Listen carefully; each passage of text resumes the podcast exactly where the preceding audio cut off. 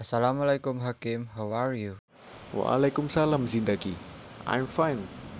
Thanks for asking me.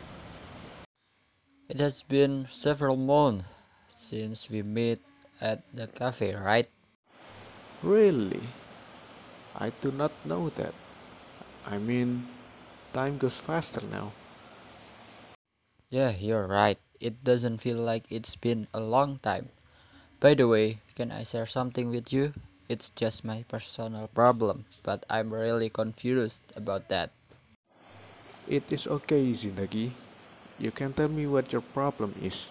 Maybe I can help you solve it. Thank you, Hakim. Maybe my problem was a little bit difficult, but I know that was my fault until it happened like this. What's that, Zindagi? Yeah, I'm a little hesitant to tell you this, but I simply cannot handle it anymore. Okay, just start it. It all started one month ago. My mom had a single accident when she was driving on the highway. It causes her to suffer head trauma. Please, accept my condolences. Yes, it's okay. Thank you. You're welcome. So, I am sorry for asking. Where is your main problem? Tell me. My main problems, which I will tell you about, are the hospital bill and my debt. Because my mom's going to the hospital, I'm confused about where to get the money from. Suddenly, my friend told me about online loans. It was my fault for failing to care over it. Oh, I have heard about it before. There are numerous scandals and controversies surrounding this. I don't know, maybe about the regulations or something. I just thought that was the worst way to find the money. Hakim, you are right. I'm just so confused about that. Now, the collectors have been calling me every day, and I'm too afraid to pick up the phone and keep avoiding it. But I know I'm too afraid to pick up the phone because I don't have any money anymore. Maybe the best way, according to you, is to look for a job vacancies.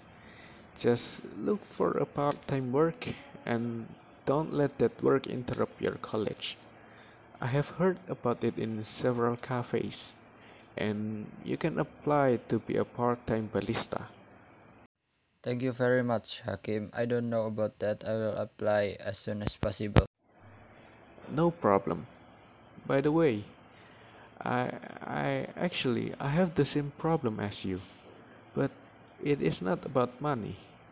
It is about my friend. What was that, Hakim?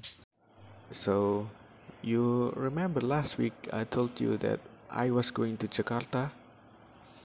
Oh yeah, I remember, but I don't know if you are really going to Jakarta because it is quite a long journey. Of course, I really went to Jakarta, but that is not the problem. Oh, so what is the problem? You know our high school friend Danny? He is actually a close friend of mine. Yes, I remember Danny, the smartest guy in our class. So what about him? So, you know that about two weeks ago, he bought a brand new car. Wow, cool, Danny. I know, right? So, I told him about going to Jakarta, and then he let me borrow his car because he trusted me. Oh, so you borrowed his car to go to Jakarta? Yes, and I had an accident. Not fatal, but the car is quite damaged. Bro, you've had an accident and didn't tell me about it, so what does Danny say? I actually haven't told him about this yet. I'm afraid he'll be upset with me. I don't know how I can tell this matter with him.